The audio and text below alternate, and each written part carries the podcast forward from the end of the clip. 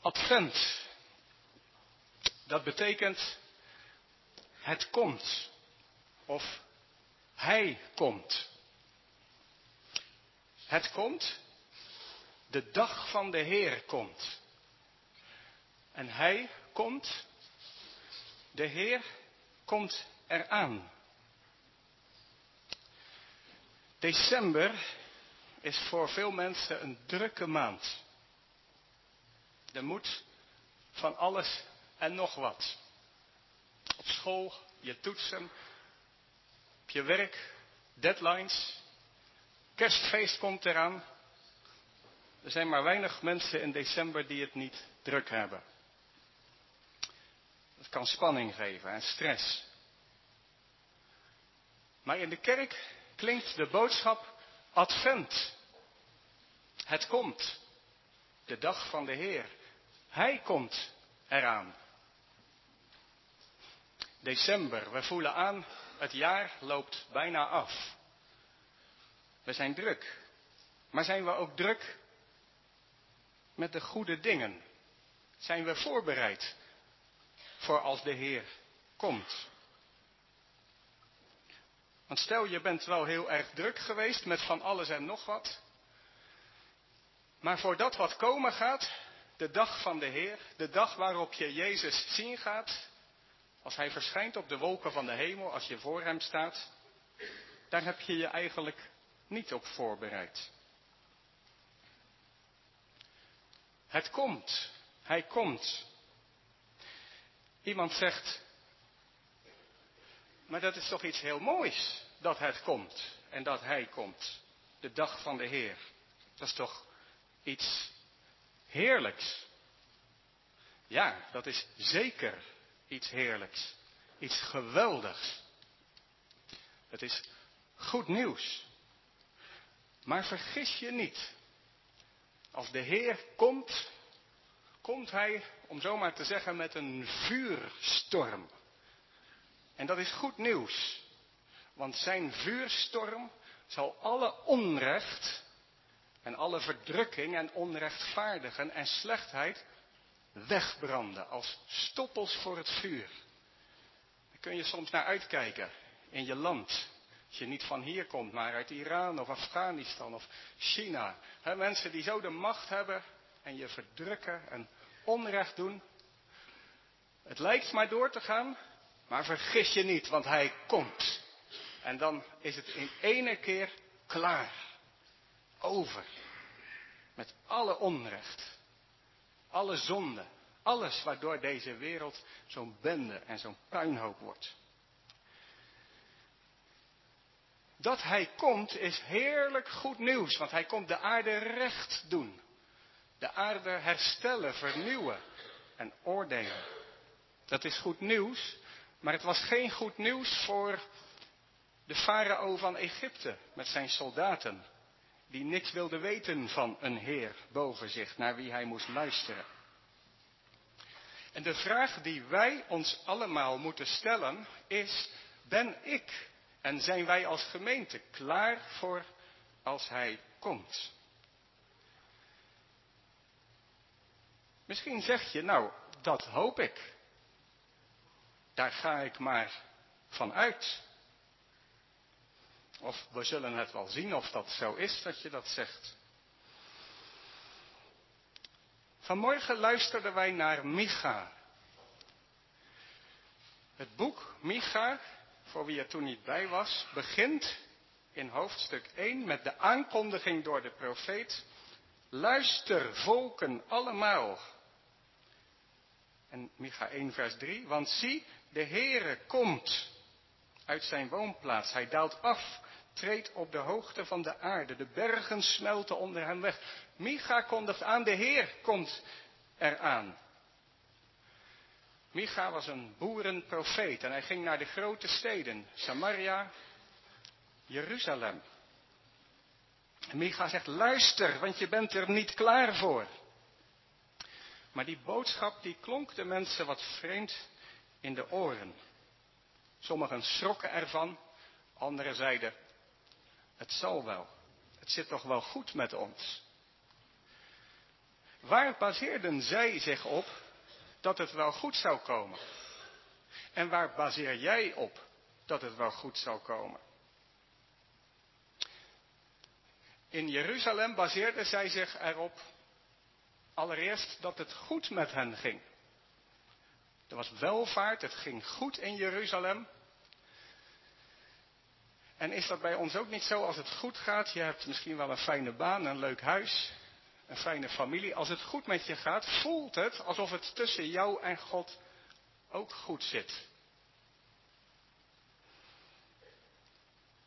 Het ging goed met hen en ze voelden zich ook goed. Als je je goed voelt, als je lekker in je vel zit, dan voelt het ook alsof het tussen jou en God goed zit. Dan voelt het alsof God dichtbij is.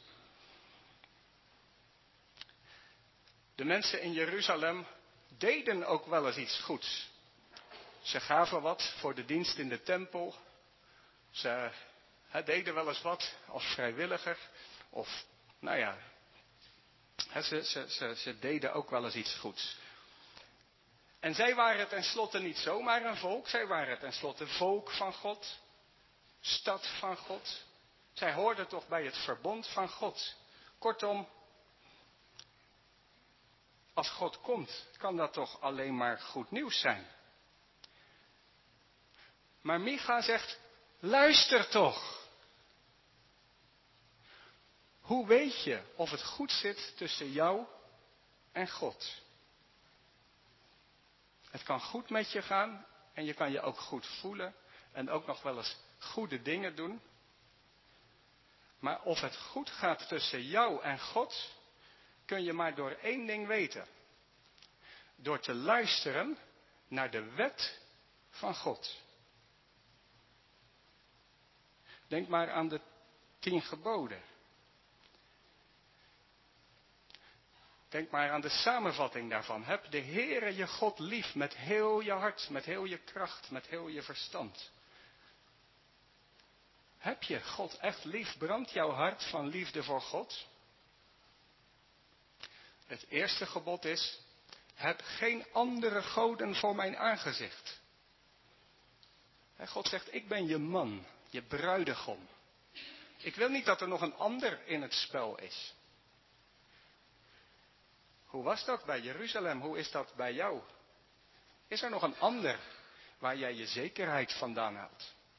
Je voldoening, je geluk, je liefde, je plezier. Waar zit je hart eigenlijk? Waar zoekt je hart zijn rust? Is dat echt God? Of zijn er andere goden? Het eerste gebod, heb geen andere God. Het laatste gebod, u zult niet begeren. Nee, als je echt de Heere kent en met Hem leeft, dan heb je een verzadigd hart. Dan heb je een vreugdevol, vredig hart. Maar als je God afdankt, komt er een leegte en dan ga je begeren. Dan is er een onrust en een honger in je die maar doorgaat, die niet te stillen is, waarmee je zelfs over grenzen, Gods grenzen, heen gaat. Hoe is dat? U zult niet begeren. Zit het goed tussen jou en God? Er is maar één manier hoe je dat kunt weten. Door te luisteren naar de wet van God. Als een dokter de patiënt onderzoekt, we hebben er een paar in ons midden vandaag, bedenk ik mij nu. Als een dokter zijn patiënt onderzoekt, dan heeft hij zo'n koffer bij zich. En daar zit een thermometer in en een stethoscoop. En ik weet niet wat er allemaal nog meer in die koffer zit. Maar de dokter gebruikt de thermometer, de stethoscoop en gebruikt instrumenten om te weten of het goed gaat met de patiënt. De wet van God is de thermometer, de stethoscoop, om te onderzoeken of het goed zit tussen jou en God. Nou, en op grond daarvan weet Micha dat het tussen Jeruzalem en God niet goed zit. Ook al gaat het hen goed, ook al voelen ze zich goed en ook al doen ze wel eens iets goeds. Micha ziet, als hij naar de wet kijkt en naar Gods volk, dat ze overal over de grenzen van God heen gaan. Dat ze andere goden hebben, dat ze begeren en alle andere zonden van de tien geboden doen. En daarom ziet Micha het ervan komen dat als God komt, Jeruzalem zal worden als Sodom en Gomorra, verwoest door het vuur. Het gaat helemaal niet de goede kant op. Ze moeten niet luisteren naar hun gevoel of naar hun omstandigheden. Micha moet de patiënt wakker schudden, daar gaat het boek over.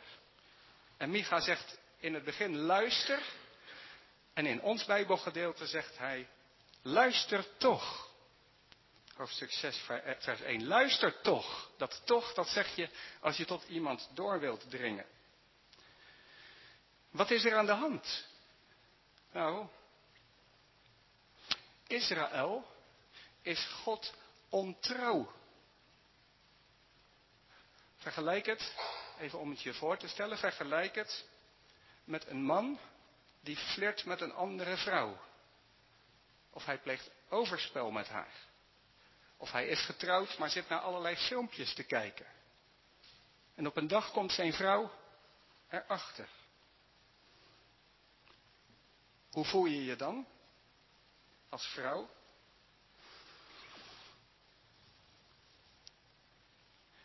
Nou, zo voelt God zich behandeld door zijn volk. Ja, ze zijn met elkaar getrouwd. Maar hoe gaat het? Het gaat helemaal niet goed. En God maakt er een zaak van. Dit kan zo niet, want als God gaat komen, loopt dit niet goed af. En in ons Bijbelgedeelte maakt God er een zaak van. Vers 1 en 2.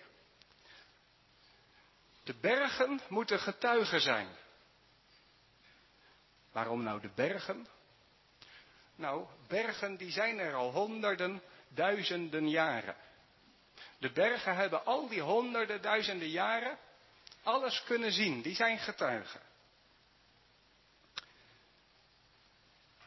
De rechtszaak wordt geopend. En in deze rechtszaak krijgt het slachtoffer spreekrecht. Wie is het slachtoffer? Dat is God. God wil die vraag stellen aan zijn volk. Vers 3. Mijn volk, wat heb ik jullie aangedaan? Waarmee heb ik jullie vermoeid? Getuig tegen mij. God wil weten, waar heb ik dit aan verdiend? Was ik niet goed voor je? Wat is er gebeurd? Waarom doen jullie over de godsdienst zo van vermoeiend? Oh ja, dat is mijn plicht, dat moet ook nog. Ja, nou goed, ik zal het wel doen. Waarom zo? Wat heb ik je aangedaan? Micha in ons hoofdstuk roept daartoe op om terug te kijken naar je geschiedenis. Israël moet terugkijken naar die lange geschiedenis waarvan de bergen getuigen zijn. Wat heeft God gedaan? Nou, toen Israël in Egypte in de benauwdheid, in de ellende, in de moeilijkheden zat en riep, help toch, help toch. Toen is God gekomen als een sterke man, als een prins. En hij heeft ze bevrijd uit dat slavenhuis.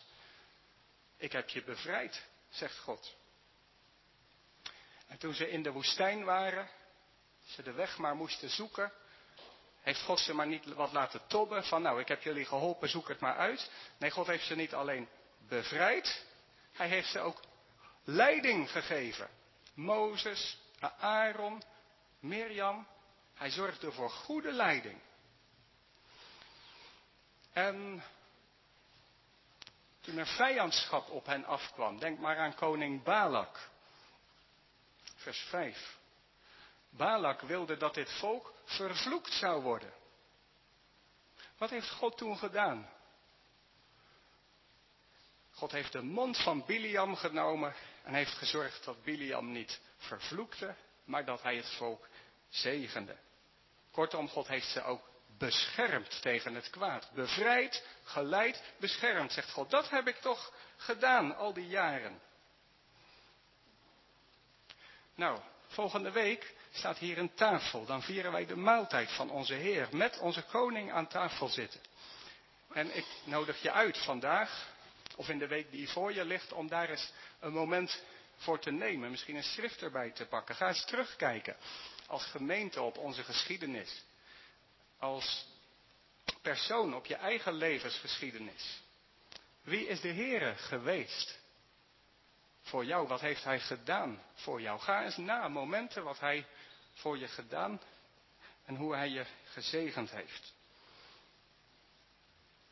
Maar wat deed Gods volk? We moeten niet alleen kijken naar wat God deed, we moeten ook kijken naar wat deed Gods volk in al die jaren. Wat deed Gods volk toen God hem bevrijd had uit Egypte? Mopperen, klagen, bang zijn, help. Hoe moet het nu? We hebben geen eten, geen drinken. Wat deed Gods volk toen God hen leiding gegeven had door Mozes en de wetten gegeven had, de goede wetten? Wat deed Gods volk? Ze maakten gelijk een afgodsbeeld. Ze liepen gelijk, toen God zei, ik wil met je trouwen, gelijk achter een andere God aan. Wat deed Gods volk toen God hen beschermd had? De vloek veranderd had in een zegen bij Biliam. Wat deden ze bij Sittim? Vers 5. Bij Sittim koppelden zij zich aan de afgod Baal Peor. Ze gingen onmiddellijk ja, met de volken van de wereld in zee. Ja, dat is ook een vraag om jezelf te stellen. Hoe ben je, wie ben je zelf geweest tegenover de trouw van God? Kijk eens terug, heel eerlijk onder de leiding van Gods geest, kijk eens heel eerlijk gewoon terug op wie je zelf geweest bent. En wat er is voorgevallen tussen jou en God. En wat heeft God dan gedaan na al deze crisismomenten? Wat deed God na Sittim? Zei God, nu trek ik de stekker eruit, het is klaar, over en uit. Nee, bij Gilgal zei God, we gaan een nieuwe start maken.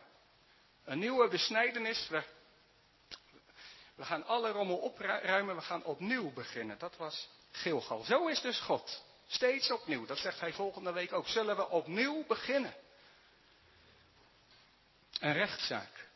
Mijn volk, wat heb ik je aangedaan? Waarom behandel je mij op deze manier? Hoe gaat het tussen jou en God? Ga eens mee naar die andere heuvel. Golgotha, daar staat een kruis. Daar is de Zoon van God, Jezus, aangehangen. En wie hingen Jezus daar aan het kruis? Waren het alleen de Joden? De Romeinen? Wat bracht Jezus aan het kruis? Heeft dat ook niet met ons te maken? Met onze zonden? Met nee hoor, ik hoef niet iemand die het over mij te zeggen heeft. Weg met hem, ik bepaal het zelf wel. Mijn volk, wat heb ik je misdaan? Wat heb ik je voor kwaad gedaan? In de Matthäus klinkt op een gegeven moment die vraag. Wat heeft hij dan voor kwaads gedaan? En onmiddellijk daarop volgt een aria. Hij heeft ons allen wel gedaan. Nou, dat is wel, als je dat ook voor jezelf toepast, beschamend. Dat contrast, zoveel trouw en goedheid van de Heer. En hoe ja, wat stellen we daar zelf tegenover? Het is goed om eerlijk in de spiegel te kijken naar de relatie met God. We maken ons wel over allerlei dingen druk. Maar hoe gaat het in je relatie met God? Dat is toch het belangrijkste. Ben je er wel klaar voor om Hem te ontmoeten? Ga eens na waar je zonden liggen. Misschien op het gebied van seksualiteit en relaties, van verslaving, van niet dapper te durven gaan staan voor wat God vraagt. Maar je gewoon maar mee laten slepen, altijd maar weer mee laten slepen door deze wereld. Zonde in slapheid of lauwheid. Niet investeren in je groei van je geloof en je stille tijd. Je samenkomen met je broeders en zusters. Het niet dapper strijden tegen je oude natuur, maar zeggen, ja ach, dit is al zo lang, ik laat het maar gaan. Het niet gaan staan voor gerechtigheid. Het niet getuigen van het evangelie. Individualisme, we trekken de gordijnen maar dicht. Gastvrijheid, dat doet een ander maar. Ja, wie zijn we in de spiegel van Gods wet? In wat God met u en jou die bij hem hoort, die gedoopt bent, bedoeld heeft. En wie is de Heer tot op deze dag voor jou geweest? Ga daar eens op terugblikken in de week op weg naar de viering van het heilig avondmaal. Nou, de rechtszaak is geopend en de Heer vraagt, wat heb ik je aangedaan? Niet dat God iets tekort komt hoor, trouwens. God heeft ons niet nodig voor zijn geluk. Maar hij wil wel weten waarom. wij kunnen allerlei waarom-vragen hebben aan God. Altijd die gebalde vuist naar de hemel. Maar hoor vandaag eens de waarom-vraag van God aan ons. Laat dat eens tot, tot je doordringen. Luister toch. Ja, als de wet gepredikt wordt, en dat is de taak van een dominee, niet altijd leuk, maar als de wet gepredikt wordt, de diagnose gesteld wordt, dan kan het niet anders. Of we raken ook onrustig, we schrikken.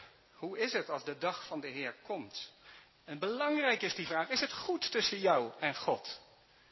Is, is de, zijn de kanalen open? Is het zuiver tussen jou en Hem? Ineens horen we dan een stem, vers 6. Iemand roept of snikt, een stem die zegt, waarmee zal ik de Heere tegemoet gaan en mij buigen voor de hoge God? In de rechtszaal zegt ineens iemand, ja, hoe kan het eigenlijk nog goed komen? Iemand die voelt hoe de weegschaal de verkeerde kant op doorhangt. En wat moet je daar tegenover stellen? Duizenden offerdieren? Nou, we weten allemaal dat het zo niet werkt. Als je wel eens dichtbij hebt meegemaakt, een relatie die begint kapot te gaan. dat voorbeeld wat ik net noemde, geen duizend bossen bloemen gaat dat natuurlijk goed maken. Of geen duizend etentjes. Er is iets geknapt, er is iets kapot. En het zit niet in je macht om dat zelf goed te maken. Zo van, nou, ik zal daarvoor betalen. Zo, hè, wat je ook geeft, al geef je, nou ja, hè, er wordt hier genoemd je eerstgeborene. Nee, jij kunt het niet goed maken. Dat is de, de, de waarheid.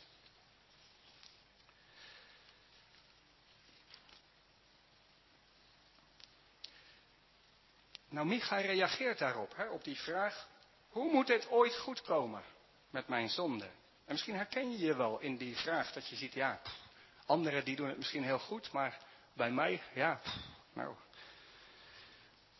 Nou, Micha reageert. Hij zegt niet, joh, het is inderdaad hopeloos. Het uh, gaat helemaal fout als de Heer komt. Nee, dat doet Micha niet. Hij zegt ook niet, joh, het komt allemaal wel goed. Nee, Micha zegt, vers 8, hij heeft je bekendgemaakt, mens, wat goed is. En wat de Heer van je vraagt. Bekendgemaakt. Micha vertelt hier niet zijn eigen woorden. Wat is Micha? Een profeet. Wat is een profeet? Iemand die de Bijbel toepast. Israël heeft een Bijbel, de Torah. Micha citeert hier Deuteronomium.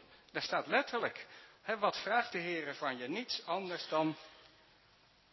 Wat wil God? God heeft